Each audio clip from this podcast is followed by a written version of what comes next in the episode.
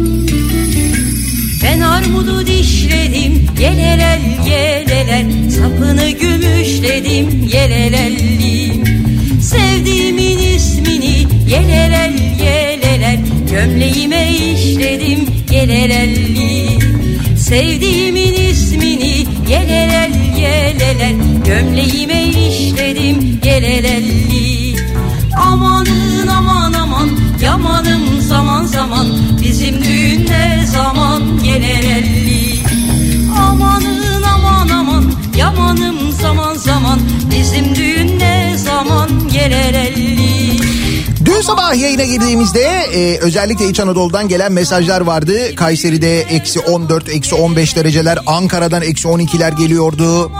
Buz gibi buralar kakırdıyoruz deniyordu. İşte dün e, eksi 26.3 dereceyle Türkiye'nin en soğuk yeri Sivas'ın Altınyaylı ilçesi olmuş. Eksi 26.3 e, kayıtlara geçmiş. Türkiye'nin en uzun nehri Kızılırmak'ta kısmen donmuş, buzla kaplanmış. Altınyaylı'yı Tokat Artova takip etmiş. Tokat'ın Artova ilçesinde 26.2 derece eksi ölçülmüş. Bolu Gere'de sıfırın altında 26.1 Kayseri Tomarza 24.7 yine eksi. Bolu 4 divan eksi 22.6 derece ölçülmüş dün. Zannediyorum bu sabahta yine şiddetli bir soğuk vardır. Bakıyorum hani böyle sokağa çıkmış olanlar, burnunu kapıdan çıkarmış olanlar acaba yani ya henüz ona cesaret edemediler Ankara'da, Kayseri'de bizi dinleyenler ya da kapıdan dışarı çıktılar, dondular orada kaldılar. İkisinden biri yani. henüz bir henüz bir bilgi gelmediğine göre. Ben böyle mutluyum. Gel sen de dostum. Bir tek içelim. Bugün de böyle geçsin Yarın Allah kerim Gaziantep eksi 3, Antalya an itibariyle 8 derece. Ankara'da hafif bir kar yağışı durumu var. Ama eksi birmiş mesela Ankara. Bugün hava daha yumuşak evet. Dün neydi ya? Dün eksi 12, eksi 13'ler falan.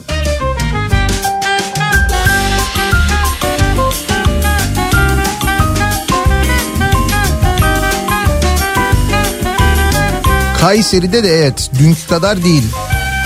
Eksi 7. İyi eksi 7.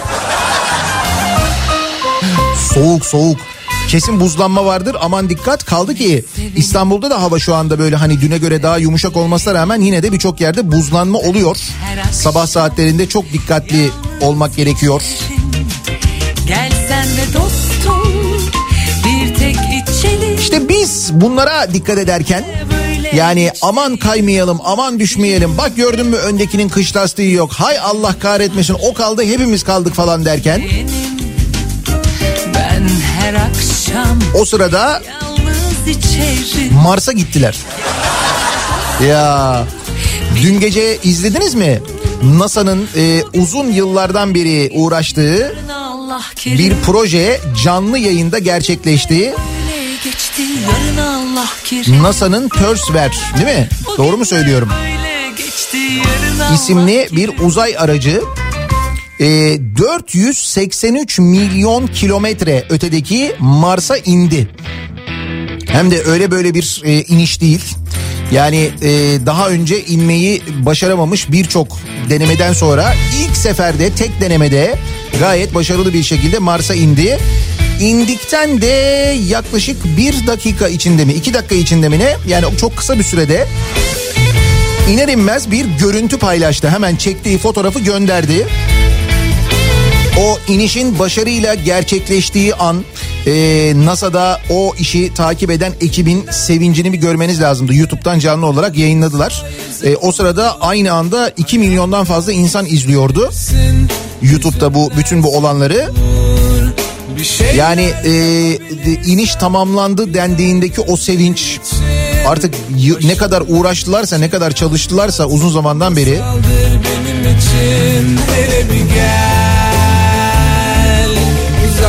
Tabii sosyal medyada hemen bu paylaşıldı. Çok böyle e, hızlı bir şekilde o ilk gelen görüntü. seni bulur Peki biz ne yaptık?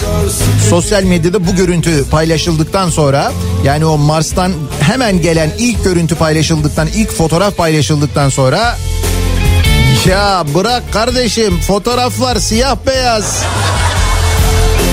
Bunlar gerçekten gitmemiştir oğlum. Ama ne yorumlar neler neler. Yorumları yazan tipleri zaten görmeyin de. Ya Mars'a gerçekten gitmiş olsanız rengi kırmızı olurdu bir kere falan. Ne yorumlar ama bizde bir göreceksin. Şimdi bu yorumları yapanlar e, ki bu e, proje için ne kadar e, harcamışlardı? İki buçuk milyar dolar sadece o indirilen e, masal cihaz yani o keşif aracının maliyeti iki buçuk milyar dolar. Sadece keşif aracının maliyeti. Daha onun haricinde bir o kadar da para harcamışlar. Biz uzay programı başlatıyoruz. Bütçemiz 5,5 milyon dolar. Bizim Ay'a gideceğimize inanıyorlar ama. Ya bunun şimdi bunun mesela Mars'a gittiğine inanmıyorlar. Bizim 5,5 milyon dolar Ay'a gideceğimize inanıyor bu arkadaşlar ama.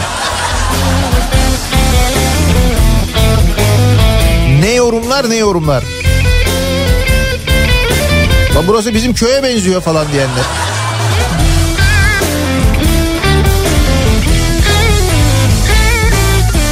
Ama mevzu kedi ve ulaşamadığı ciğer mevzusu değil onu da söyleyeyim yani. Bambaşka bir durum var çok acayip.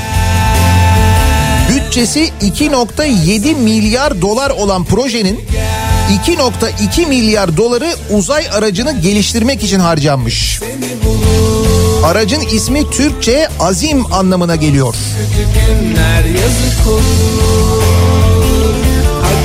Ne demişti? Hayatta en hakiki mürşit ilimdir demişti değil mi?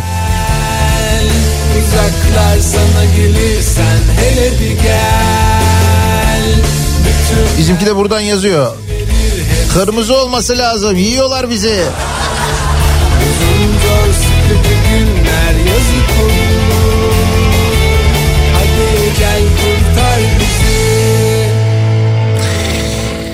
Şimdi bütün bunlar olurken dün e, izlerken ben de gece işte e, bayağı da bekledim yani. Böyle oturdum izledim e, saniye saniye işte anlatıyorlar. Oradan birisi var izliyor. E, herkes böyle can kulağıyla onu dinliyor. Çünkü bir görüntü yok bir simülasyon var. O simülasyonla o sırada neler olduğunu görüyorsunuz. En fazla o ama işte orada e, an be an takip ediyorlar. Sürekli böyle işte alçalıyor Dövdüler irtifası ve hızı e, kontrol ediliyor. Müthiş bir hızla Mars'ın atmosferine giriyor. Sonra işte bir paraşüt açılıyor. iyice yavaşlıyor. Yavaşladıktan sonra iyice yavaşlatacak olan roketler devreye giriyor falan filan. Yani sert iniş yapmıyorlar. Onu söyleyeyim. Gayet yumuşak indiler. Şimdi bütün bunları izlerken ben o sırada sonra döndüm tabii bu sabah programı için bir yandan çalışıyorum işte. Bizdeki gündeme, bizdeki haberlere, açıklamalara falan baktım. Ya ülke e, kocaman bir takvim gazetesi gibi olmuş biliyor musun? Yani çünkü böyle yetkililerin e, işte devlet görevlilerinin açıklamalarına bakıyorum böyle. Ya o açıklamaların hakikaten takvimin birinci sayfasına farkı yok ya. Ya gerçekten öyle şeyler söylüyorlar ve o söyledikleri şeylere öyle inanıyorlar ki baya böyle takvimin birinci sayfası gibi. Yani böyle sürekli emekliye ikramiye varmış gibi biz böyle hakikaten işte ekonomimiz uçuyormuş gibi bunlara gerçekten inanarak söylüyorlar ya. Yani hakikaten takvimden bir farkı yok yani. Hani biz dalga mı geçiyorlar falan diye düşünüyoruz. Yok dalga geçmiyorlar adam bayağı bildiğin gazete çıkartıyor işte. Yapılan açıklamalarda aynen öyle oluyor. felek oynama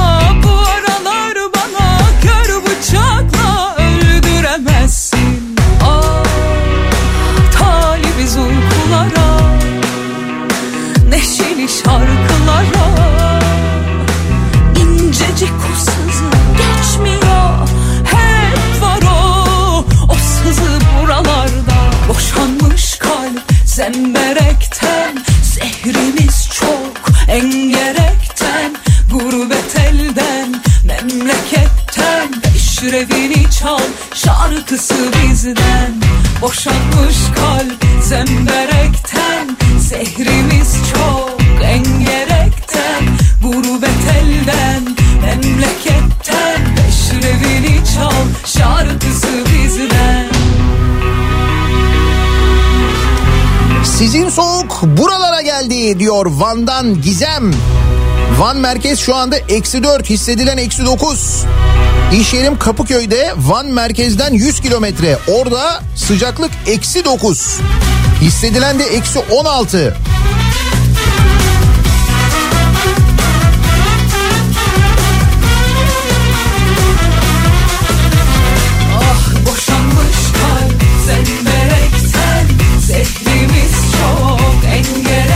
Bak bu arada bu Mars'la ilgili şöyle bir bilgi de var. Mars yüzeyine iniş için araçta bulunacak kameralar için 2019 yılında NASA Salda Gölü'nde çalışıp fotoğraflamıştı.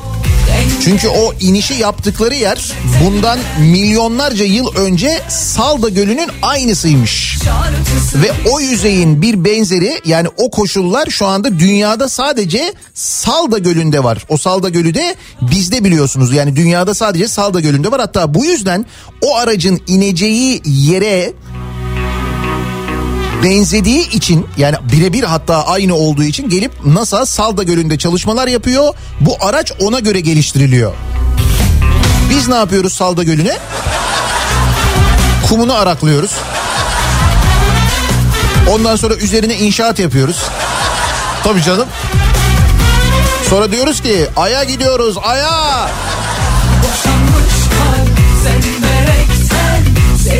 Bizim mesela bu Salda Gölü ile ilgili bir bilimsel böyle işte uzayla ilgili falan bir çalışmamız var mı acaba? Oldu mu öyle bir şey yaptık mı?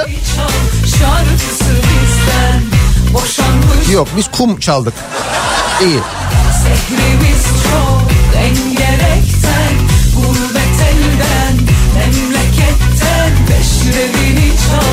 Hey hey. Bizim e, gündemimiz çok daha eğlenceli canım hiç. Nasıl bir sabah trafiğiyle yola çıkıyoruz peki? İşe gidiyoruz. Hemen dönelim trafiğin durumuna bir bakalım göz atalım.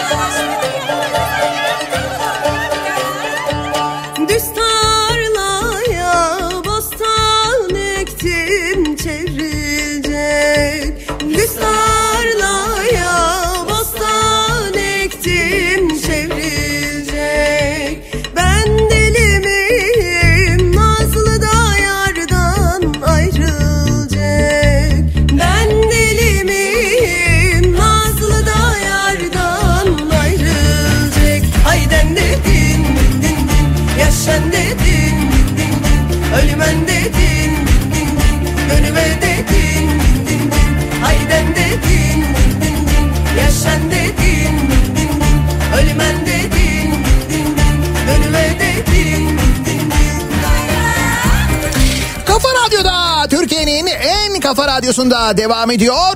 Daha 2'nin sonunda Nihat'la muhabbet. Ben Nihat Sırdar'la Cuma gününün sabahındayız. Yedi buçuğu geçtik. Dün geceden Mars'a inişi izleyenler, bu nedenle uykusuz kalanlar, henüz kendine gelemeyenler, gözlerini ovuşturanlar ama gerçekten de e, insanlık tarihinin en önemli anlarından bir tanesine e, tanıklık edenler. Ve bir yandan bizim Ay'a gidişimizi bekleyenler. Bizdeki uzay çalışmaları ne durumda? İşte onun haberi Kahramanmaraş'tan geliyor sevgili dinleyiciler. Kahramanmaraş'ta düzenlenen operasyonda 111 adet gümrük kaçağı cep telefonu ele geçirilmiş. Şimdi ne alakası var bunun uzay çalışmalarıyla? Şöyle polis ekipleri ele geçirdikleri telefonları hani böyle basına gösteriyorlar ya böyle yakaladıklarını falan polis ekipleri. İşte o telefonlarla uzay yazmışlar. Nasıl? Ya gördün mü? Polis ekipleri ele geçirdikleri gümrük kaçağı cep telefonlarıyla uzay yazarak Milli Uzay Programı'na gönderme yapmış. Yalnız Kahramanmaraş'taki polis ekiplerine kötü bir haberim var. Ee, onu Van'da daha önce yaptılar. Üstelik Van'da uyuşturucu ele geçirilmişti. Onunla yazılmıştı. Bilmiyorum esrar mıydı, eroin miydi bilmiyorum. Onunla yazılmıştı. Yani o sanki biraz daha mantıklı gibi geliyor. Hani hani hiç olmazsa uçulur falan gibi. Yani. Cep telefonuyla uzay yazmışız. Nasıl? Başladık başladık ben sana söyleyeyim. Buradan gideriz biz yani. Buradan yürürüz. Ölümen dedin din dedin din din. Hayden dedin din din Yaşan dedin din dedin din dedin din din Duymayanlar için bir daha söyleyeyim. Dünkü o Mars'a iniş ve o uzay programı için harcanan e, para yani ayrılan bütçe 2.7 milyar dolarmış. Yani sadece bu proje için bu Mars projesi Mars'a giden bu keşif aracı için harcanan para 2.7 milyar dolar. Bunun da 2.2 milyar doları sadece o araç için harcanmış. Bizim e, uzay ajansı için ayırdığımız bütçe 5,5 milyon dolar şu anda.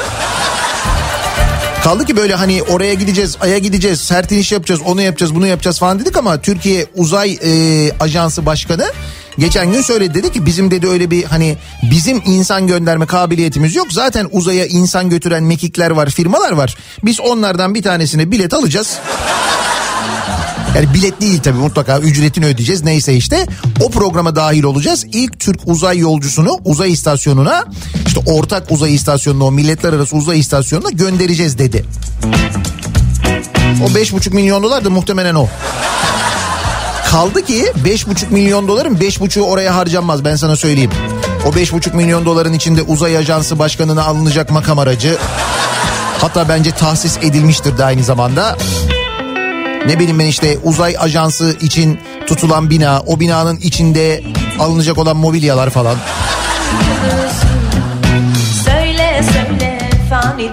O sırada e, emniyet görevlilerimiz de işte cep telefonlarıyla e, ele geçirdikleri kaçak cep telefonlarıyla uzay yazıyorlar.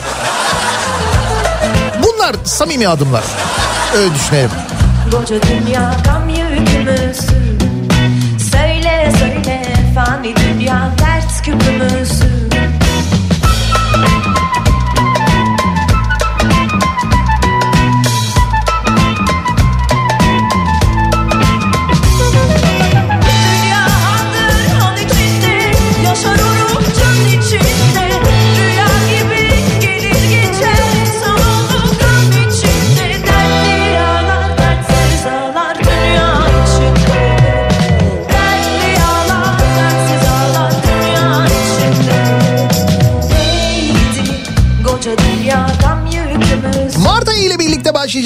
normalleşme konusunda epey bir konuşuluyor.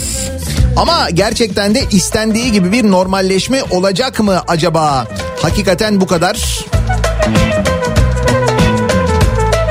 bahsedildiği gibi bir normalleşme olabilir mi? Uzmanlar pek öyle olmayacağını söylüyorlar maalesef. Söyle söyle fani dünya dert küpümüzsün Hatta deniyor ki iki hafta demek yani iki hafta sonra e, salgın kontrol altına alınır ya da vakalar düşer ona bağlı olarak da normalleşme olur denmesi salgın falcılığı yapmaktır. Demiş İstanbul Tabip Odası Genel Sekreteri Profesör Osman Küçük Osmanoğlu. İki hafta sonra açılacağız demek falcılık. Onun yerine vakalar bir hafta 100 binde 50'nin altına indikten sonra açılma olur gibi net konuşulması gerekir demiş.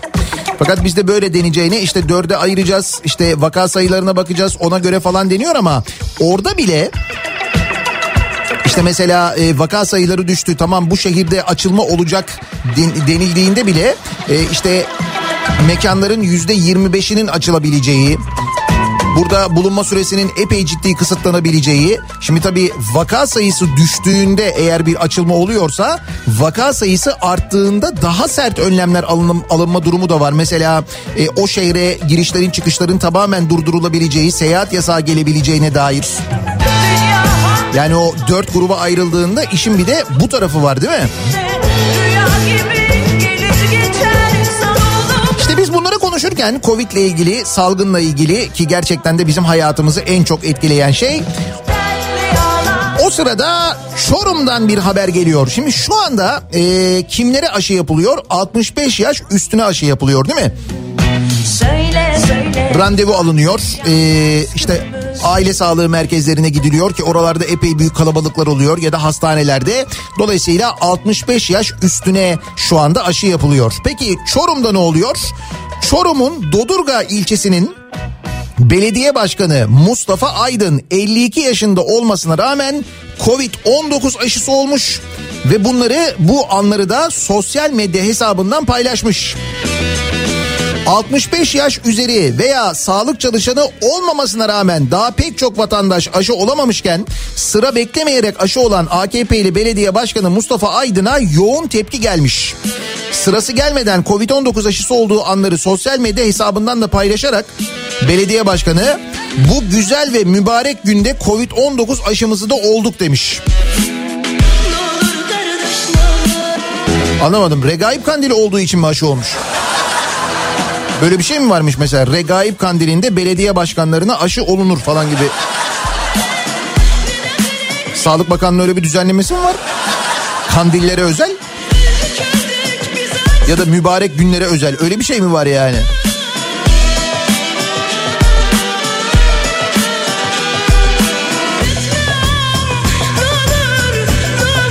Bu arada bu belediye başkanı ile ilgili bir bilgi daha var. Daha önce hazine arazisine özel havuzlu kaçak villa yaptırmış belediye başkanı. Aydın'ın kaçak villası yurttaşların şikayeti üzerine Çevre Şehircilik Müdürlüğü'nün kararıyla kendi yönetimindeki belediye ekiplerince yıkılmış. Çorum Dodurga'da neler oluyor ya?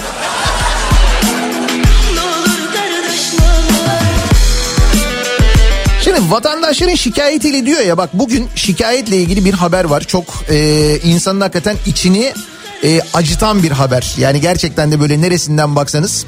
Şimdi Zeki e, e, Metin Akpınar ve Müjdat Gezen'le ilgili e, olan biteni takip ediyoruz değil mi? Yani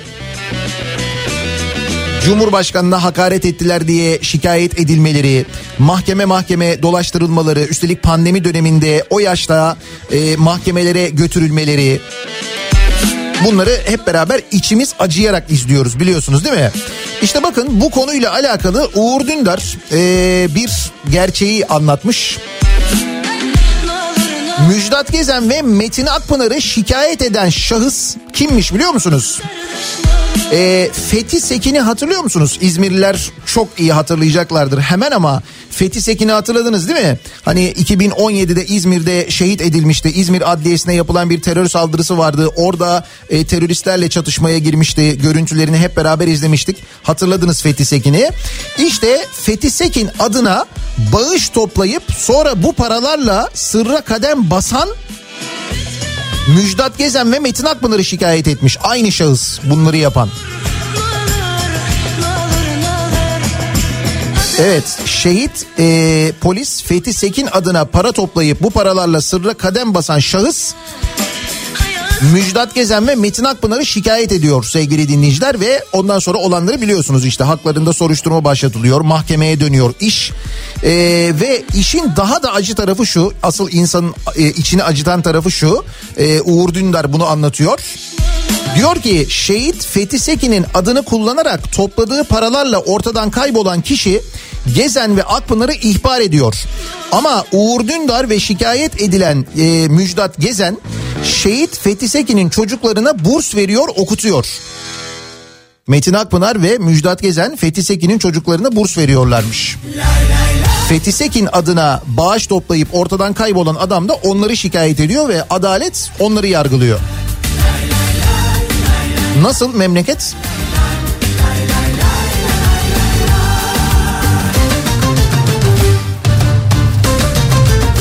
Uzay. Gideceğiz yani. Garip dünyada arkadaşlık düşmanlıkla yan yana Bazen sebep bir aşksa İşsizlikle ilgili konuşuyoruz. İş bulma umudunu tamamen kaybedenler, genç işsizlik oranındaki acayip artış ve hal böyleyken devlet kurumlarına kimi zaman hiç sınavsız işte önce belediyede özel kalemde görevlendirilip oradan yatay geçişle geçenler yani sınava da girmeyenler ya da sınava girenler orada düşük puan alıp mülakatta yüksek puan alanlar ve kayrılanlar. Liyakat meselesi yani. Bakınız Kızılay'da e, neler oluyor? Yönetim kurulu kararıyla 2019'da holdingleşen ve çok sayıda şirket kuran Kızılay'da dikkat çeken bir atama gerçekleşmiş. AKP'nin eski Beykoz Belediye Meclis üyesi de olan Kızılay Genel Başkan Yardımcısı Murat 56'nın kardeşi Hurşit 56 Kızılay'ın Gayrimenkul Bakım AŞ isimli şirketine genel müdürü yapılmış. Dinle beni sakın uyma şeytana Mesleki geçmiş de sağlam. Beykoz Belediye Meclis üyeliği, oradan Kızılay Genel Başkan Yardımcılığı, oradan onun kardeşi Kızılay'ın şirketine genel müdürü falan. Hiç bunları kendine Birbirlerine güveniyorlar demek ki yani böyle öyle bir savunma da var ya canım şimdi ben güvendiğim insanlarla çalışacağım tabii ki yani. Affet gitsin aldırma Yükü sende Ha bu arada Kızılay ile ilgili başka haberler de var. Mesela eski AKP milletvekili Muhammed Murtaza Yetiş'in de geçen günlerde Kızılay'ın İstanbul Kartal'daki hastanesine başhekim yapıldığı ortaya çıkmıştı. AKP'li Yetiş'in eşi Sema Yetiş Kopuz Kızılay'da Ankara Şube Başkanlığı Denetim Kurulu üyeliği ve aynı zamanda Kızılay İştiraki Gayrimenkul Bakım AŞ'nin yönetim kurulu üyeliği gibi 3 farklı görevi de aynı zamanda yönetiyormuş. Eşi de bunları yapıyormuş. Eşi de İstanbul Kartal'daki hastaneye başhekim olmuş. Ya şimdi bunu bunları konuşuyoruz. Böyle çok böyle şaşıranlar oluyor şaşırıyoruz falan ama şimdi Murat Ağırel'in e, kitabını aldım ben. Parsel Parsel diye bir kitap çıkardı Murat Ağırel. Bilmiyorum e, haberiniz var mı? Ama bence Ankaralıların e, Ankara'da yaşayanların mutlaka edinmesi ve okunması gereken bir kitap. Çünkü Melih Gökçe'nin hikayesini ta en başından itibaren anlatıyor. Yani bu daha Keçiören Belediye Başkanı olmadığı zamandan önce esnaflıkla başlayan sonra Keçiören Belediye Başkanlığı işte ondan sonra e, Çocuk Esirgeme Kurumu Genel Müdürlüğü sonra milletvekilliği falan derken ya o daha ilk belediye başkanlığı döneminde yaptıklarını bir okumanız lazım gerçekten. Keçiören Belediye Başkanı iken yaptıklarını sonra o Keçiören Belediye Başkanlığı görevinde atadığı adamları nasıl Çocuk Esirgeme Kurumu'na aldı ya Keçiören e, Futbol Kulübü'nü kuruyor. Keçiören Belediye Başkanı iken sonra e, Çocuk Esirgeme Kurumu Genel Müdürü olduğunda Keçiören Spor Kulübü'ndeki futbolcuları memur olarak e, Çocuk Esirgeme Kurumu'na alıyor iyi mi? Daha bak o zamandan yani. Yani o yüzden şimdi bunları okurken ben bir yandan şaşırmıyorum hani çok bunun evveliyatı var ama aklıma gelmişken hatırlatayım e, mutlaka alın Parsel Parsel kitabın ismi Murat Ağırel yazdı. Kırmızı Kedi'den çıktı. E, ben eminim Melik Gökçek de almıştır okuyordur şu anda. Hani ondan geride kalmayın siz de okuyun aynı anda diye söylüyorum.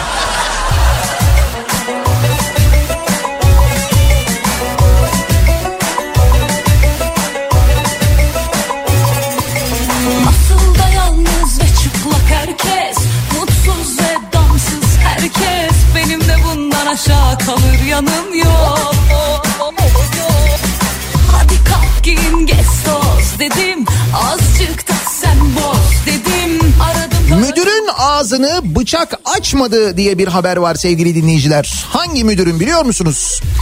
Devlet Demir Yolları Genel Müdürü'nün. Devlet Demir Yolları Genel Müdürü.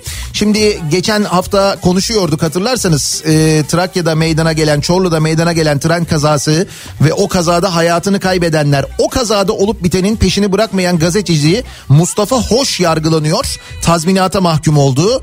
E, o kazada hem eşini hem çocuğunu kaybeden eden e, bir annenin peşini bırakmıyorlar. O mahkeme heyetine hakaretten yargılanıyor. Ama o sırada e, ne oluyor? Diğer görevliler yargılanıyorlar mı? Mesela Devlet Demir Yolları yöneticilerinin herhangi bir kusuru aranıyor mu falan? Hayır. Halbuki dün mesela bilirkişi raporu çıktı. O bilirkişi raporunda yöneticiler suçlanıyorlar. Onların kabahati olduğu söyleniyor. Adalet biraz işlemeye çalışsa bile ha ne oluyor mesela? Şimdi bu kaza başka bir kaza. Ankara'da 13 Aralık 2018'de meydana gelen ve 9 kişinin hayatını kaybettiği yüksek hızlı tren faciası. Hatırlıyor musunuz o kazayı? Sinyalizasyon olmayan hatta çalıştırılıyor yüksek hızlı tren ve o kaza meydana geliyordu hatırlayınız. İşte o kaza ile ilgili kaza tarihinde genel müdür yardımcısı olan ve e, üstün başarılarından dolayı şimdi genel müdürü yapılan Ali İhsan Uygun tanık olarak dinlenmiş. Bak tanık olarak ha kaza döneminde genel müdür yardımcısı sanık değil. Şu anda yani onun döneminde böyle bir kaza oluyor. Şimdi kendisi Devlet Demir Yolları Genel Müdürü. Yani şey de böyle çok güzel hani liyakat da hakikaten kıymet veriliyor yani adam genel müdür yapılmış ve tanık olarak dinleniyor ve e, sorulara cevap vermiyor biliyor musunuz? Kaza günü kimlerin çalıştığını hatırlamadığını söylüyor. Bu arada e, duruşmaya da gitmiyor. Duruşmaya Segbis'le katılmış. Yani uzaktan katılmış kendisi. Uzaktan bağlantıyla katılmış. Ama böyle sorulara cevap verme falan yok. Mesela soruyorlar e, avukatlar diyor ki hızlı tren projesi bitmeden e, yol neden işletmeye açıldı? Kazanın olduğu hatta gerekli risk analizleri yapıldı mı? Hatta mevzuatta belirtildiği kadar personel görevlendirildi mi? Personele gerekli eğitimler verildi mi diye soruyor. Dönemin Devlet Demir Yolları Genel Müdür Yardımcısı şu anda da genel müdürüne cevap ne biliyor musunuz? Cevap vermeyeceğim diyor. Gülleri gülleri de götür koy o boş bahçe Trip mi yapıyor? Bana ne cevap vermeyeceğim ben. Bana Çok kızgın sordunuz bana onu siz. Ne demek cevap vermeyeceğim ya?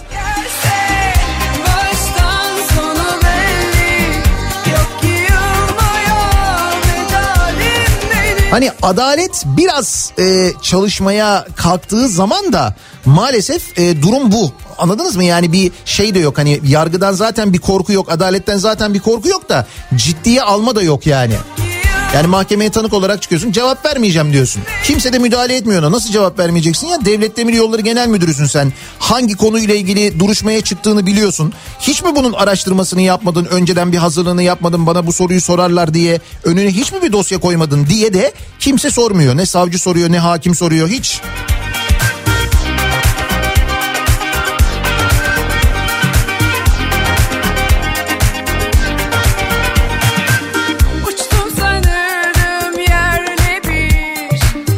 asıl problemimiz, asıl sorunumuz hayat pahalılığı, ekonomideki gidişat.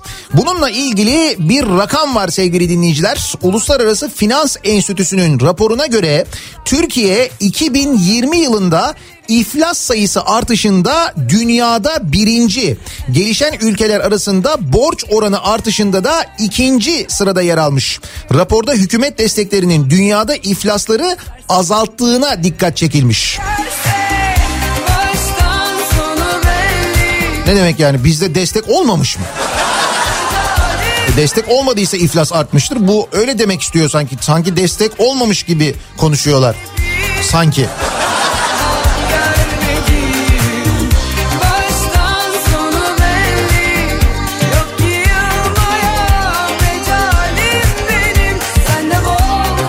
Raporun dikkat çeken bölümü 2020 yılında şirket iflaslarındaki değişime dair veriler olmuş. Türkiye'de şirket iflasları 2020 yılında 2019'a kıyasla yaklaşık %14 artışla rapordaki 61 ülke arasında ilk sırada yer almış.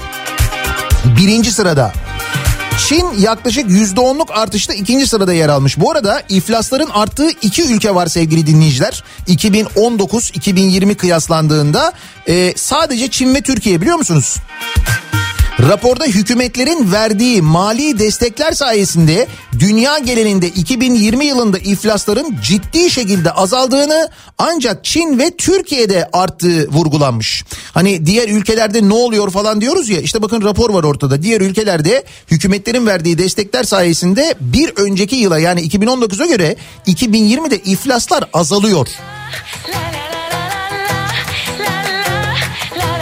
Geçen gün e, bir açıklamada vardı. Ne kadar e, destekte bulunulmuştu Covid sebebiyle? 300 milyar lira mı? Valla ben öyle bir rakam duydum. 300 milyar lira mı? Öyle 300 milyar lira yani. Ya da daha mı yüksekti acaba? Ne kaçak ne göçek Salla sallayabildiğin kadar ne olacak? Kim araştıracak, kim hesap edecek? De ki araştırdın, buldun. E Dost Metropol araştırma Türkiye kötüye gidiyor diyenlerin oranını açıklamış sevgili dinleyiciler. Metropol araştırmanın son anketine göre Türkiye iyiye gidiyor diyenlerin oranı yüzde 25.2 kötüye gidiyor diyenlerin oranı yüzde 60.4. Aman of slalom hep hep hep Metropol araştırmanın e, araştırma şirketinin başkanı Özer Sencar anket sonucunu yorumsuz diye paylaşmış.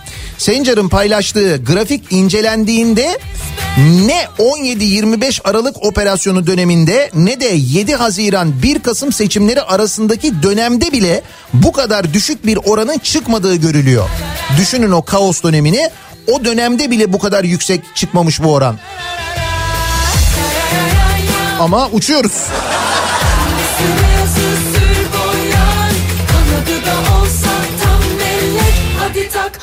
İşte yine güzel insan Tam da bu sırada TÜİK'in açıkladığı e, bir rakam var. TÜİK'in bir araştırmasının sonucu var. Hatta bunu ilk kez bir TÜİK verisi doğru çıktı diye vermişler. Yaşam memnuniyeti araştırması TÜİK'in yaşam memnuniyeti araştırmasına göre eğitim durumuna göre mutluluk düzeyi incelendiğinde 2020 yılında en yüksek mutluluk oranı %54 ile bir okul bitirmeyenlerde görülmüş.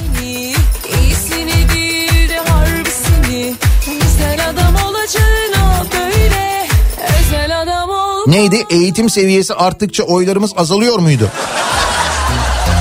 Ya da mesela okumamış e, kesimin ferasetine güveniyorum muydu? Neydi? Öyleydi değil mi?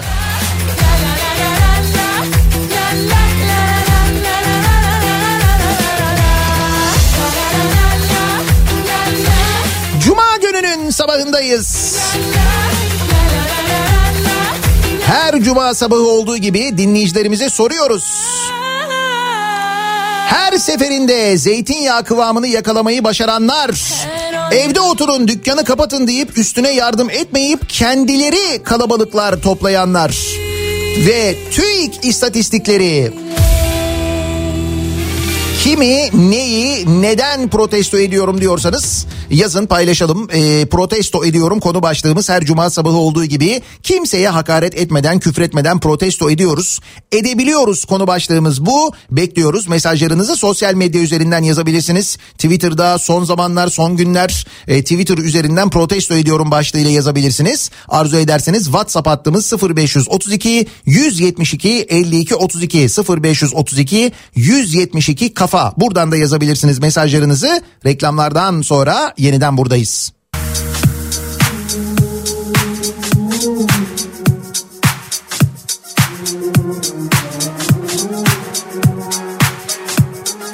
Kafa Radyo'da Türkiye'nin en kafa radyosunda devam ediyor. Daha 2'nin sonunda Nihat'la muhabbet. Ben Nihat Sırdar'la Cuma gününün sabahındayız. Tarih 19 Şubat. Yanaklarını ve dudaklarını tokuşturanların radyo programı. Her cuma sabahı olduğu gibi soruyor kimi, neyi, neden protesto ediyorsunuz diye. Protesto ediyorum bu sabahın konusu. Solar solmaz açmaz Biraz kapanırım Kapalı kapılar ardına Kendimden başkasına ziyanım olmaz Demlenir de demlenir yokluğun bende Şüpheli ve dövmeli doktor istemiyoruz diye CİMER'e şikayet edenleri protesto ediyorum. Neyin kafasını yaşıyor bu insanlar? Evet bir doktoru bu şekilde şikayet etmişler.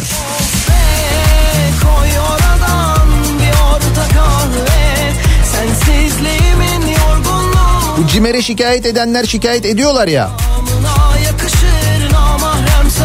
Bir dakika dur. Gel dudaklarınla Yanaklarımı tokuştur. Ve koy oradan bir orta kahve Deneyen var mı? Dudak ve yanağı tokuşturmayı deneyen.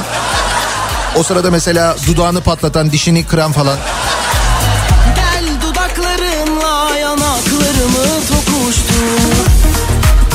CİMER'e şikayet edenler diyordum. İşte az önce anlattım size. Ee, Müjdat Gezen ve Metin Akpınar'ı CİMER'e şikayet edenler. ihbarda bulunan Fethi Sekin, şehit Fethi Sekin adına para toplayıp ortadan kaybolan bir tip. Bunlara ne oluyor? Ben mesela zaman zaman oluyor gidiyorum savcıya ifade veriyorum. Diyorum ki peki savcı bakıyor diyor ki ya bundan diyor bir şey çıkmaz ama diyor işte cimerden geldi diyor ifadenizi alıyoruz diyor.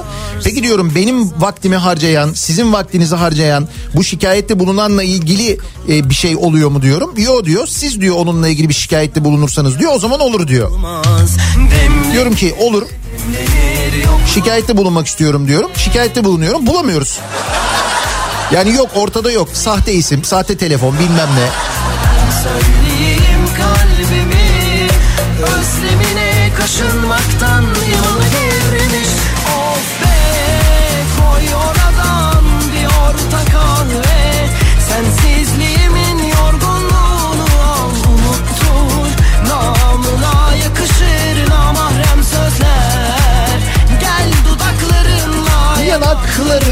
tokuştur. Koy oradan bir orta kahve Sensizliğimin yorgunluğunu al unuttur Bizim uzay projemizi kıskanıp bizden önce Mars'a giden NASA'yı protesto ediyorum. Hep kıskançlık bunlar hep. Hep. Ama bize yedirebildiler mi? Bize yediremediler. Dün mesela e, uzay aracı Mars'a indi, keşif aracı. Mars'tan ilk görüntüyü paylaştı, ilk fotoğrafı gönderdi. Hemen altına bizimkiler yazdılar. Hadi dediler hadi fotoğraf siyah beyaz, Mars bir kere kızıl. Nasıl oluyor bu dediler ya. Böyle bir şey olur mu? Yalan dediler. Anında büyük oyunu bozduk. Hemen.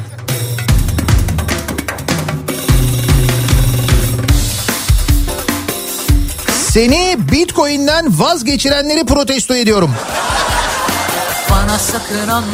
Ya sormayın dün akşam öyle bir hesap yaptık da bir anda tarihi bir gerçeğin hayatımızın kırılma noktalarından bir tanesinin ne olduğunu anladık dün akşam Nihat'la Sivrisinek'te konuşurken. Bu ilk Bitcoin'le ilgili e, böyle bir işte konuşulmaya başlandığında bir yerde bir yazı okudum ben. O gün de geldim anlattım şirkette dedim ki ya böyle böyle bitcoin diye bir şey varmış. O zaman işte ben tam tarihini hatırlamıyorum ama dün böyle bir aşağı yukarı e, araştırdık. O tarihte daha bitcoin'in bir tanesi e, 6 dolar civarında falan. Böyle tekli bir rakam yani net rakamı hatırlamıyorum ama işte 6 diye dün sivrisinek buldu ya da bir dinleyicimiz yazdı. O civarda bir şey de ki 6 dolar. Ben o 6 dolarken alalım demiştim. Sonra bizim şirkettekiler ya bırak bu işleri ya. Ondan sonra o para uçar yalan dolan öyle para mı olur? Parayı elinde tutacaksın falan gibi yorumlarla beni vazgeçirmişlerdi o gün. Bugün e, 6 dolar olan şey 52 bin dolar. Ben mesela o gün 100 tane almış olsam ondan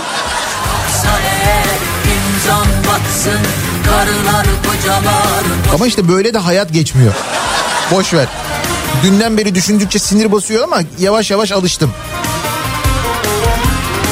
6 metrekare çay ocağında bulaşan ama binlerce kişilik parti kongresinde bulaşmayan virüsü protesto ediyorum.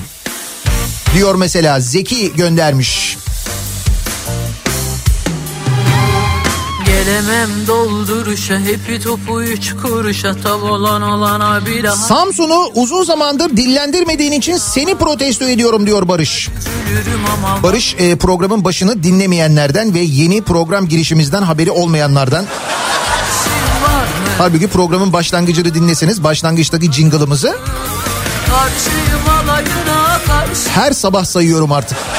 Her sabah. bu kadar mı? Hadi versinler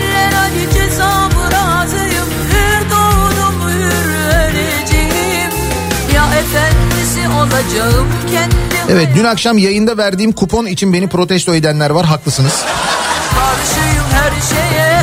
Ama gerçekten maçları izlediniz mi bilmiyorum olmayacak şeyler oldu yani. Karşıyım alayına karşıyım var mı? Rabbim adaletin bu kadar mı? Adam kayırma, zimmete mal geçirme, işsizlik, hortum ve iflasları gördükleri halde alkışlamaya devam edenleri protesto ediyorum. Ama o alkışlayanların da zaten eline kağıt veriyorlar orada yazıyor. Şimdi alkış diyor sonra diyor tezahürat diyor.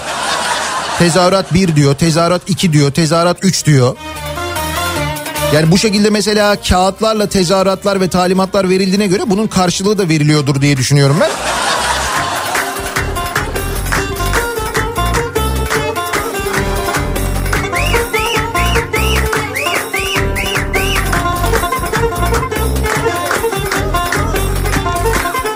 Avrupa Kuzey Otoyolu'nu protesto ediyorum diyor bir dinleyicimiz. Makam şoförüyüm. Gişelerin çoğunda araç sınıfını 2 diye okuyor. Otomobil kullanıyorum. Her defasında gişelerden düzelttiriyorum. Ama çoğu insan dikkat etmiyor ve fazladan para ödeyerek geçiyorlar diyor. Salim göndermiş. Bu gişelerden geçerken dikkatli olmakta araç sınıfınızın ne olduğunu orada hani böyle yazıyor ya ekrandan geçerken sınıf kaçsa o sınıfın doğru yazdığına emin olunuz. Aksi takdirde daha fazla ücret ödemek zorunda kalıyorsunuz.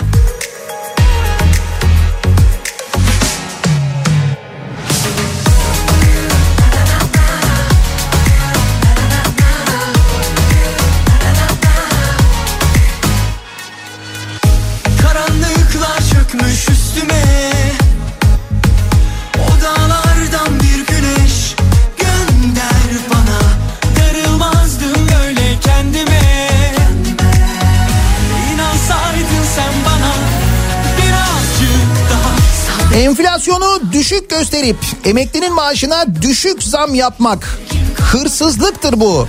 Emeklinin maaşını çalmaktır. Emeklinin maaşını çalanları protesto ediyorum diyor. Aydın göndermiş. Hemen Aydın Bey'e bir öneride bulunuyoruz. Her gün bir doz takvim alıyorsunuz. Orada birinci sayfada her gün emekliye müjde var. Her gün, her gün, her gün. Birinci haftanın sonunda böyle çiçek gibi oluyorsunuz.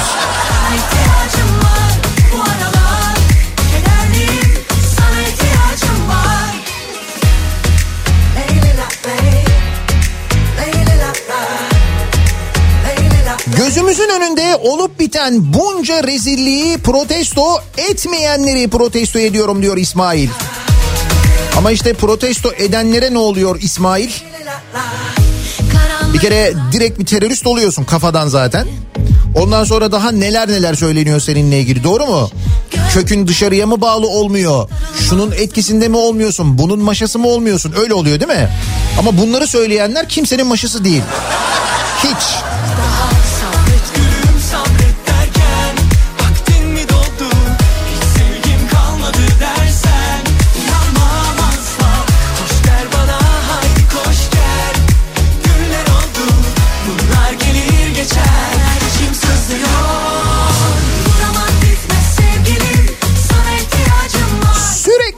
Fakirleşirken birilerinin zenginleşmelerine ses çıkartmayıp onları alkışlayanları protesto ediyorum. İhtiyacım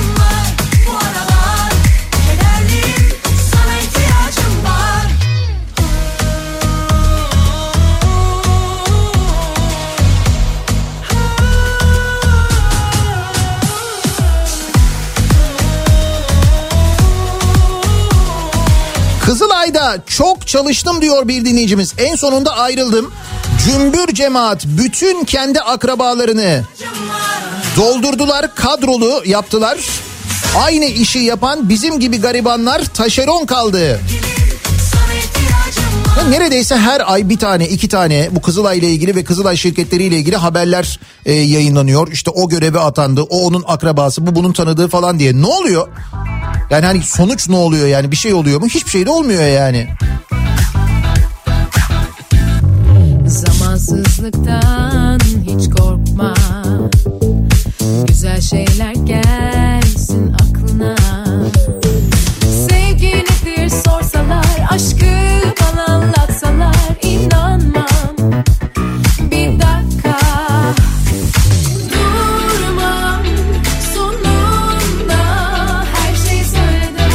Protesto ediyorum. Çünkü para birimi olarak düşünürseniz yani birim olarak hesaplarsanız Türkiye'de ana vatanı olan yani zeytinyağının fiyatı 40 para birimi iken Almanya'da 3,5 para birimine alınıyor. Bu durumu protesto ediyorum diyor Oktay.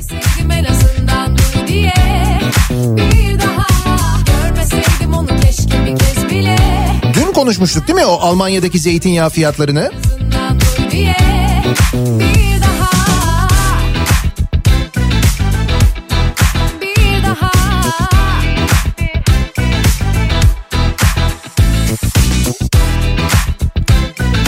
Adamcılık yapanları, emek hırsızlarını, hak, hakkaniyet yoksunlarını protesto ediyorum demiş. Bir başka dinleyicimiz. Hala aya kapı yaptıramayan, dinozor dikemeyen Ankara Büyükşehir Belediye Başkanı'nı protesto ediyorum. Yalnız Ankara Belediyesi artık o işlere bakmıyor ya. Ama boşta biri var. İsterseniz mesela Ay'a onu gönderebiliriz. Lan hakikaten hiç aklımıza gelmedi he. Ay'a göndereceğimiz ilk Türk yolcusu kim olsun kim olsun hiç düşünmeye gerek yok o olsun. Ondan sonrasını uzay düşünsün artık bize ne? Hayır ikna etmek de kolay olur biliyor musun? Şey diye e, deriz ki işte uzayda çok kıymetli madenler varmış falan deriz. Üzülmezdim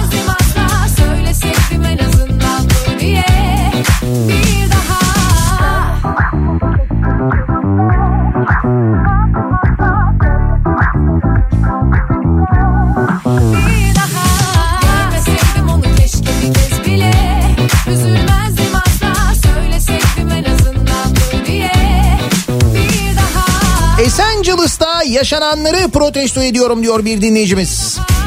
Ne olmuş Esenyurt'ta? 40 kişilik yabancı uyruklu bir grup kavga etmiş. 3 kişi hayatını kaybetmiş. Öyle böyle bir kavga mı oldu Esenyurt'ta? Bizim kavga kültürümüzü bile elimizden aldılar diyor. Murat göndermiş. Ya e, en son konuşmuştuk hatırlarsanız. E, İstanbul'da Esenyurt ve Fatih'e artık yabancı kabulü yapılmıyor. Yani orada gidip mesela işte ikamet kaydı falan yaptırmak istediklerinde Esenyurt'ta ve Fatih'te müsaade edilmiyor artık. İş o noktaya gelmiş vaziyette. Yani bu ilçelerde yaşayan e, yabancıların sayısı Türklerden fazla hale gelmiş. O durumdayız. Fatih'ten bahsediyorum. Fatih. İstanbul'un göbeği, en merkezi ilçesi, İstanbul'un kurulduğu yer.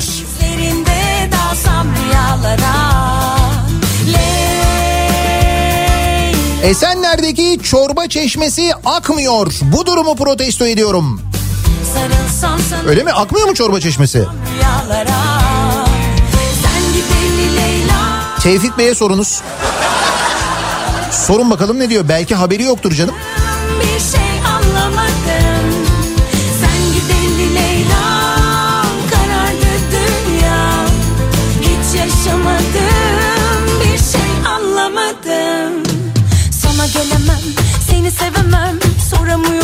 Sevgiyle dolu bir dünya fikrine tahammül bile edemeyenleri protesto ediyorum diyor Didem. Ee, Mersin'deydi değil mi? Mersin Büyükşehir Belediye Meclisi'nde Mersin'de inşa edilen bir kavşağa sevgi isminin verilmesi öneriliyor. Sevgi kavşağı olsun deniliyor. AKP'li ve MHP'li üyeler reddediyorlar. Kavşağın ismini sevgi koyacaklar onu reddediyorlar yani. Bu başka bir şey değil ha. Sevgi neymiş? Hiç.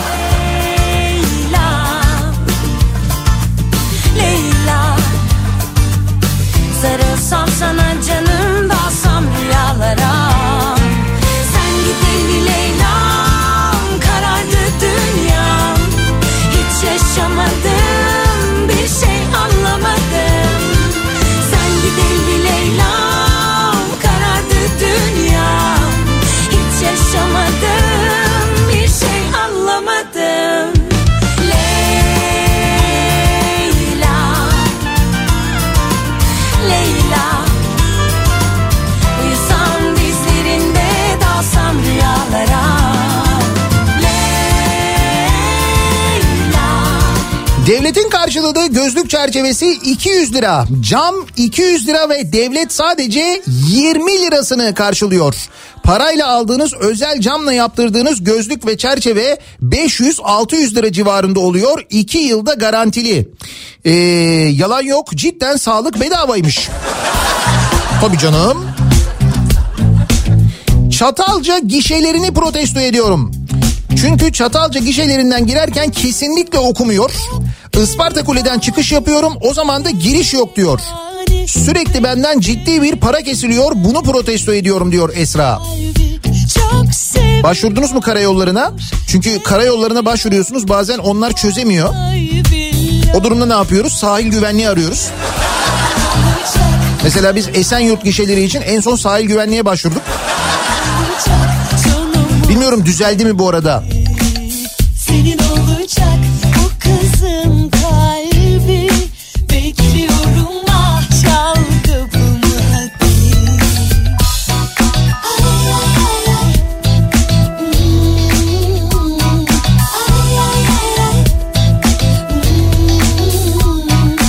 Hayatın bu kadar pahalı olmasını protesto ediyorum diyor Burak.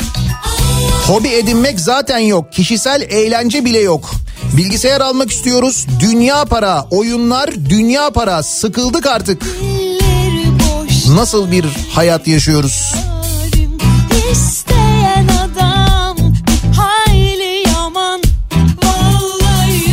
Hala uzay madenleri genel müdürü müdürlüğünü kurmayıp gerekli atamaları yapmayanları protesto ediyorum.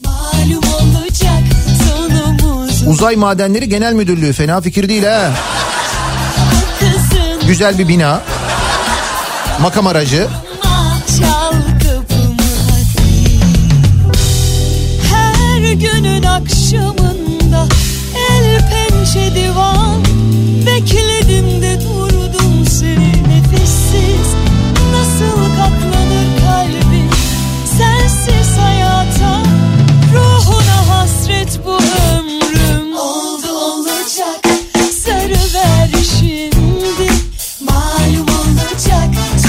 Kasası olmayan diğer belediyeleri protesto ediyorum.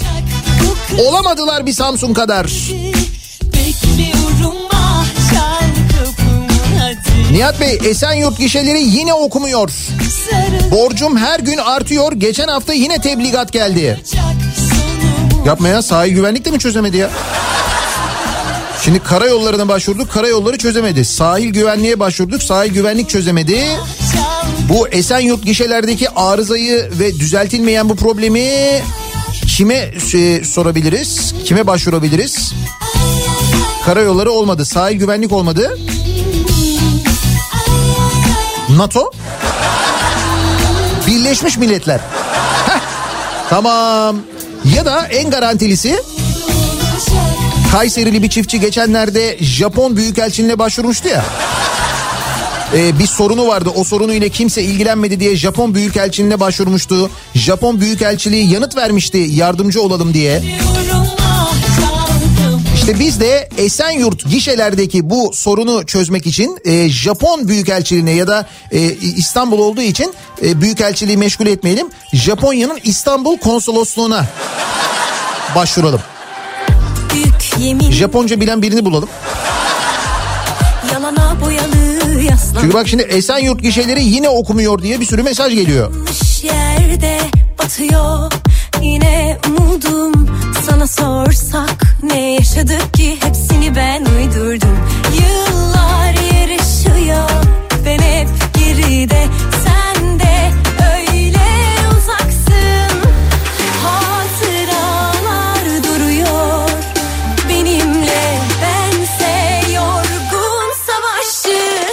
Muharrem İnce'yi protesto ediyorum. Her akşam bir kanalda haberi var. Cumhurbaşkanı adayıyken bu kadar haberlere çıkmıyordu. Yeni keşfettiler galiba kendisini diyor bir dinleyicimiz.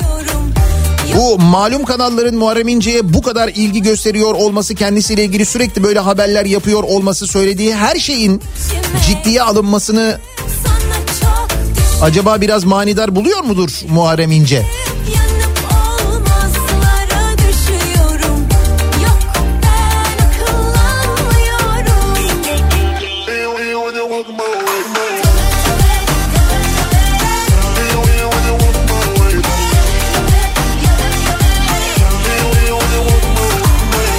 Kendini her gün güncelleyen market ürünlerini daha çok çalıştığım halde daha az e, alabildiğim maaşımı KPSS'de iyi puan alıp da atanmadığım ve o kadar okuduğum okullara para harca, harcamam harcadığım ama sonunda işçi kaldığım için kaderimi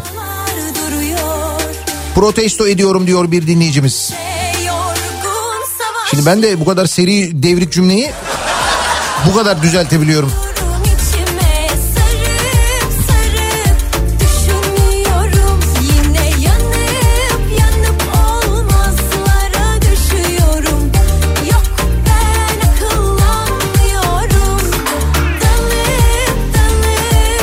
TÜİK'i protesto ediyorum. Okumayan okuyana göre daha mutluymuş.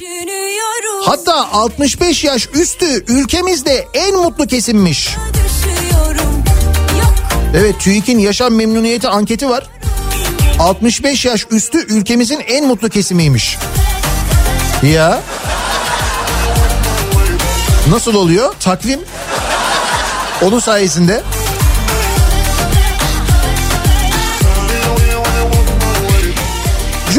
Gününün sabahındayız. Her cuma sabahı olduğu gibi soruyoruz dinleyicilerimize kimi, neyi, neden protesto ediyorsunuz diye. Reklamlardan sonra yeniden buradayız.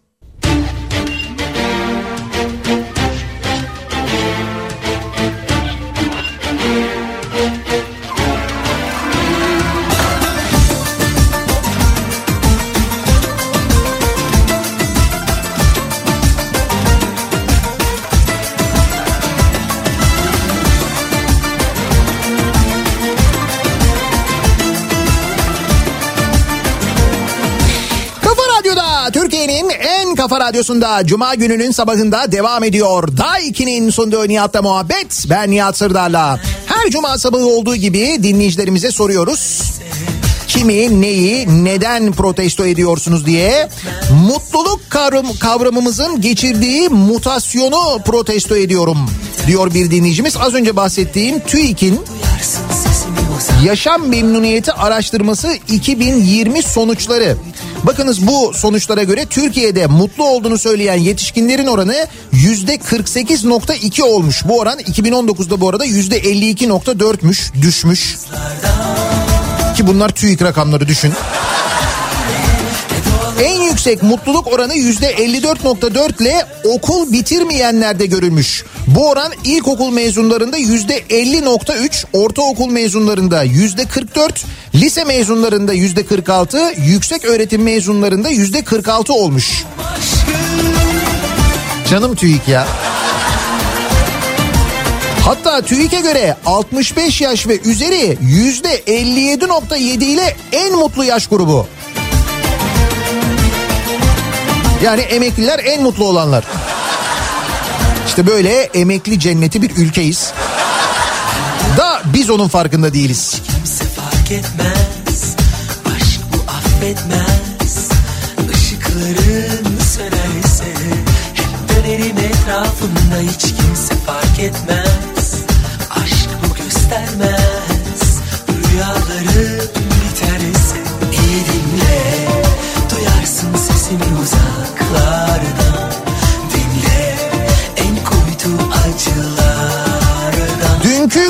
yorumlayalım Nihat Bey.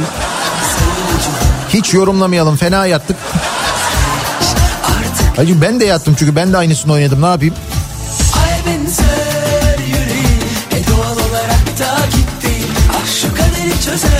MDF üreticilerini protesto ediyorum. Marangoz ve mobilyacılar olarak ham MDF'ye ulaşamıyoruz diyor Ekrem göndermiş. Ham madde temininde e, ciddi bir sıkıntı var. Sebebi yabancılar alıyorlar çünkü. Türkiye'de döviz çok yüksek olduğu için, Türkiye artık onlar için çok ucuz olduğu için ham maddenin büyük bölümünü yabancılar alıyorlar. Türkiye'de üretime ham madde kalmıyor. Kalsa da çok pahalı oluyor.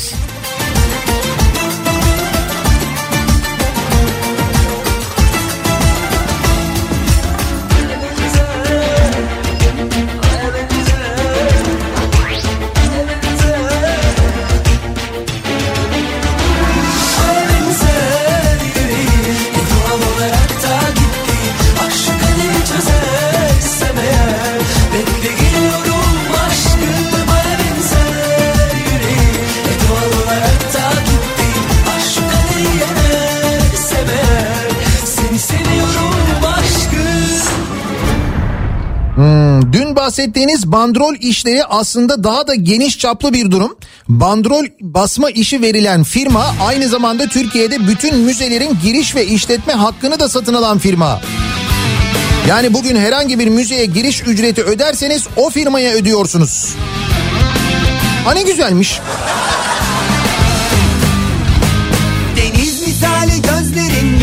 Yani bu arkadaşa mı ödemiş oluyoruz?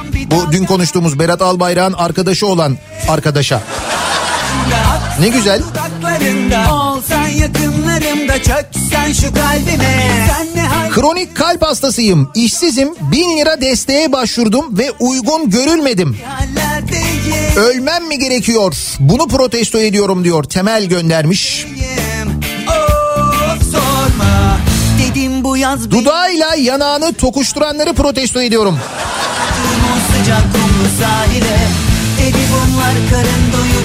Dur bakalım, şarkıdaki gibi bunu henüz becerebilen olmadı ama. sende nafile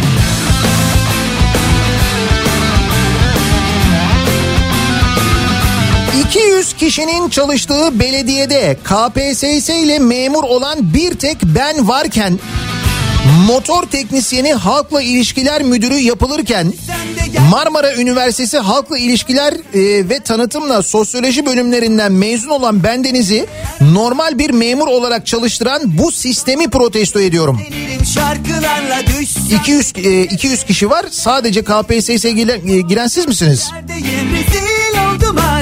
Şimdi o KPSS ile girmeyenler belediyeye çok yakın zamanda başka devlet kurumlarına atanacaklar bir de biliyorsunuz değil mi? Belediye üzerinden. Öyle bir sistem var. Acayip güzel bir sistem o. Bu yaz benimle çıkar mısın tatile Seni ilk o sıcak kumlu sahile Dedi bunlar karın doyurmuyor güle güle Aşkından yatağa düşüp gebersen de nafile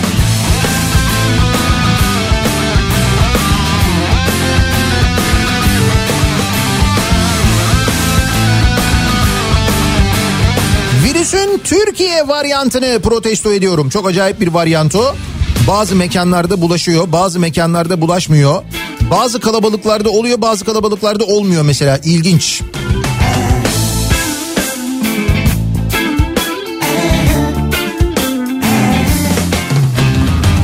Dedim bu yaz benimle çıkar mısın tatile Seni ilk gördüğüm o sıcak kumlu sahile Dedi bunlar karın doyurmuyor güle güle. Aşkından yatağa düşüp gebersen de nafile. Dedim bu yaz benimle çıkar mısın tatile? Seni ilk gördüğüm o sıcak kumlu sahile. Dedi bunlar karın doyurmuyor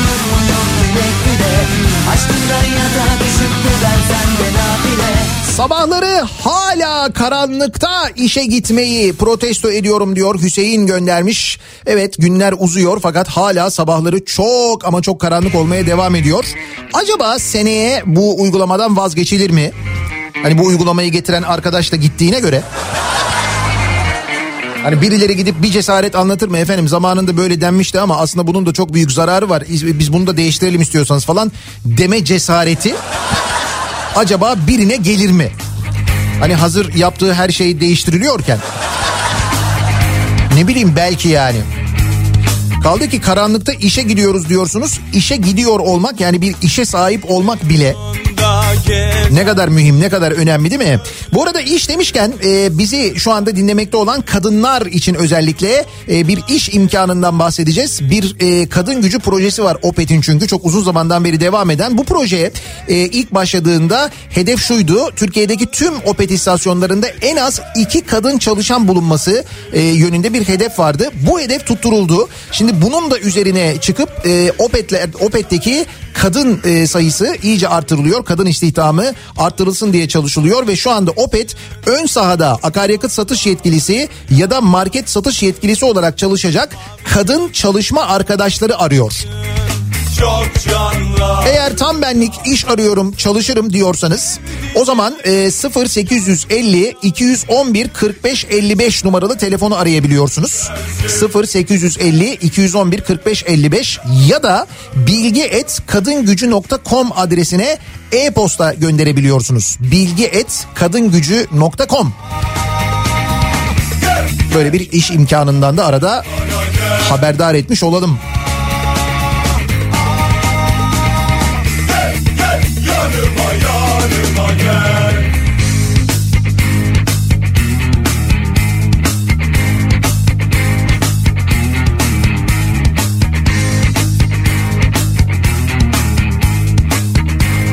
Esenyurt gişelerini CİMER'e şikayet edebiliriz diyen var.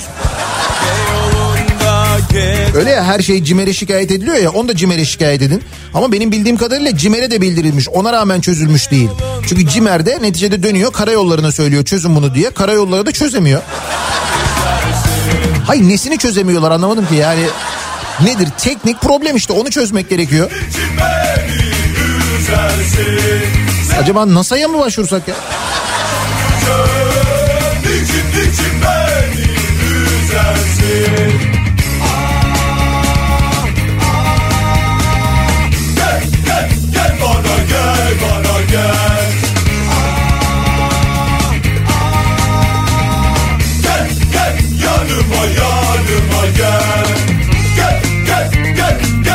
Ankara Batı kentte kar yağıyor. Ankara'da sabah saatlerinden beri böyle hafiften bir kar yağışı var. Isıran bir Ankara soğuğu olduğu yönünde mesajlar da geliyor.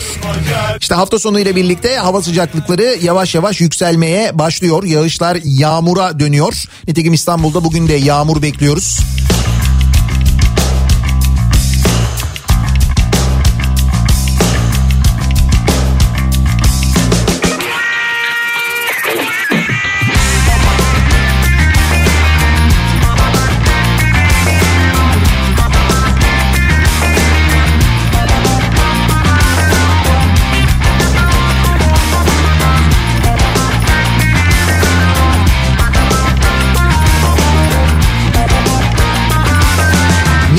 Ben optikçiyim. Devletin ödediği çerçevede 50 lira Cam 20 lira toplam 70 lira ödüyor devlet.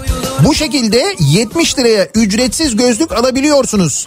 Ama bu yapmayan cam isterseniz mesela fiyat artıyor. Camın ve gözlüğün özelliklerine göre fiyat artıyor.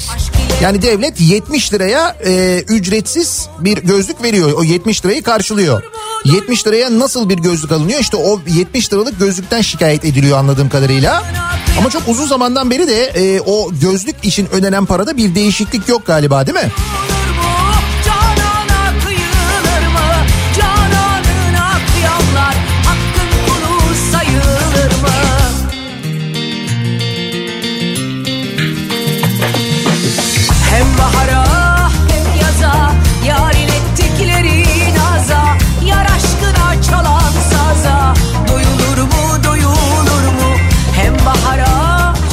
Koskoca Osmanlı paşalarını çorba sırasına sokanları protesto ediyorum. Hani dün bu konuşmuştuk ya kendini şehzade zanneden bir tip var. Hatta onu şehzade, şehzade zanneden tipler var. Ne oldu onun çakarlı arabalarına bir ceza kesildi mi mesela? İstanbul Emniyetinden bu konuyla ilgili bir açıklama geldi mi? Ben görmedim bir yerde. Belki siz görmüşsünüzdür.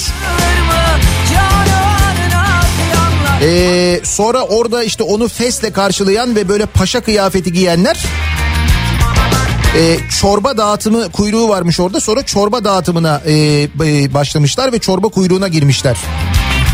Koskoca paşaları çorba sırasına sokanları protesto ediyorum diyor da Onur. Ne yaptı bunlar hepinizi paşa yapacağım falan diye mi kandırdı acaba ne yaptı? Ama çorbada uyanmış olmaları lazım. Gitmeye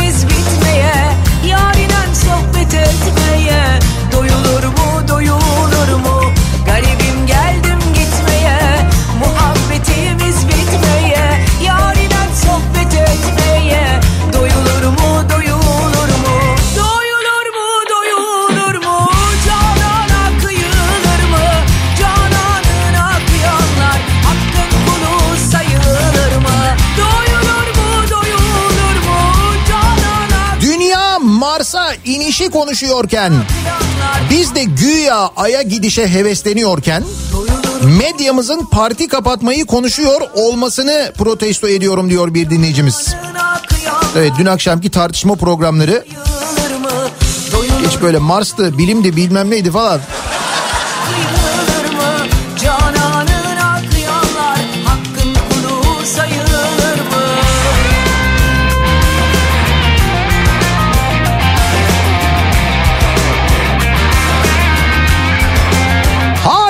Kanal İstanbul diye inat edenleri protesto ediyorum diyor bir dinleyicimiz. Oraya ayrılacak olan bütçeyi parayı bırakın bir taraftan. Arnavutköy'deki çiftçilere boşaltın buraları terk edin buraları deniyor. Dün konuştuk hatırlayın.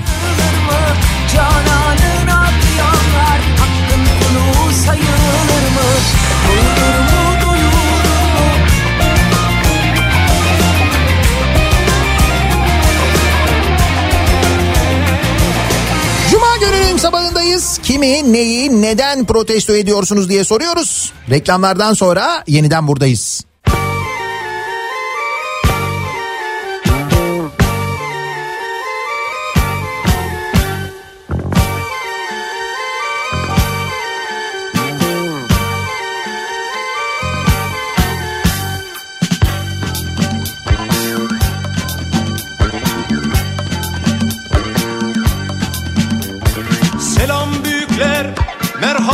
Çocuklar.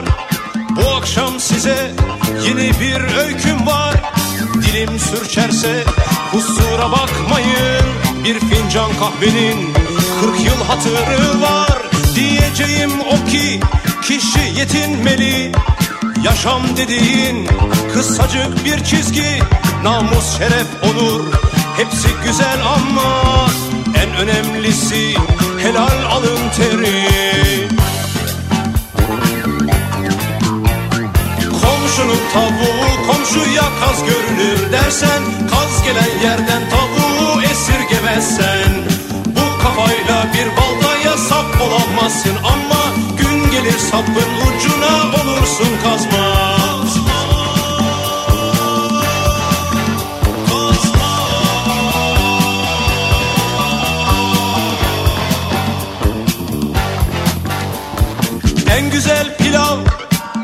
dimyatta pişer Yanında hoşaf ne güzel gider.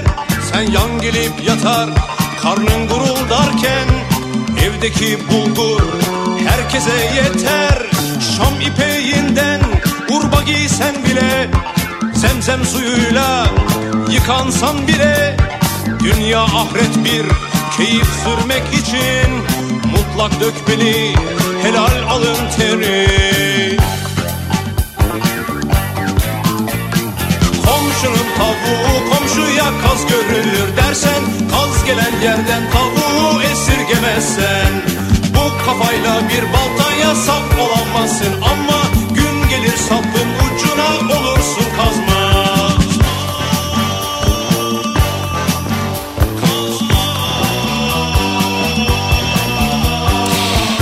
Kafa Radyo'da Türkiye'nin en kafa radyosunda geliyoruz. Bir Nihat'la muhabbet programının daha sonuna. Zannediyorum içinde bulunduğumuz durumu ya da mesela televizyon izlerken televizyonda zaman zaman konuşanları ve söylediklerini dinlerken içimizden geçirdiğimiz sıkça tekrarladığımız şarkılardan biri Barış Manço'nun bu güzel şarkısı. Kazmayla veda ediyoruz sizlere. Ee, bu sabah güçlü Mete yok. Bir gün izinli. Dolayısıyla birazdan kripto odası başlamayacak haberiniz olsun şaşırmayın. Bu akşam 18 haberlerinden sonra eve dönüş yolunda ben yeniden bu mikrofondayım. Tekrar görüşünceye dek sağlıklı bir gün, sağlıklı bir hafta sonu geçirmenizi diliyorum. Hoşçakalın.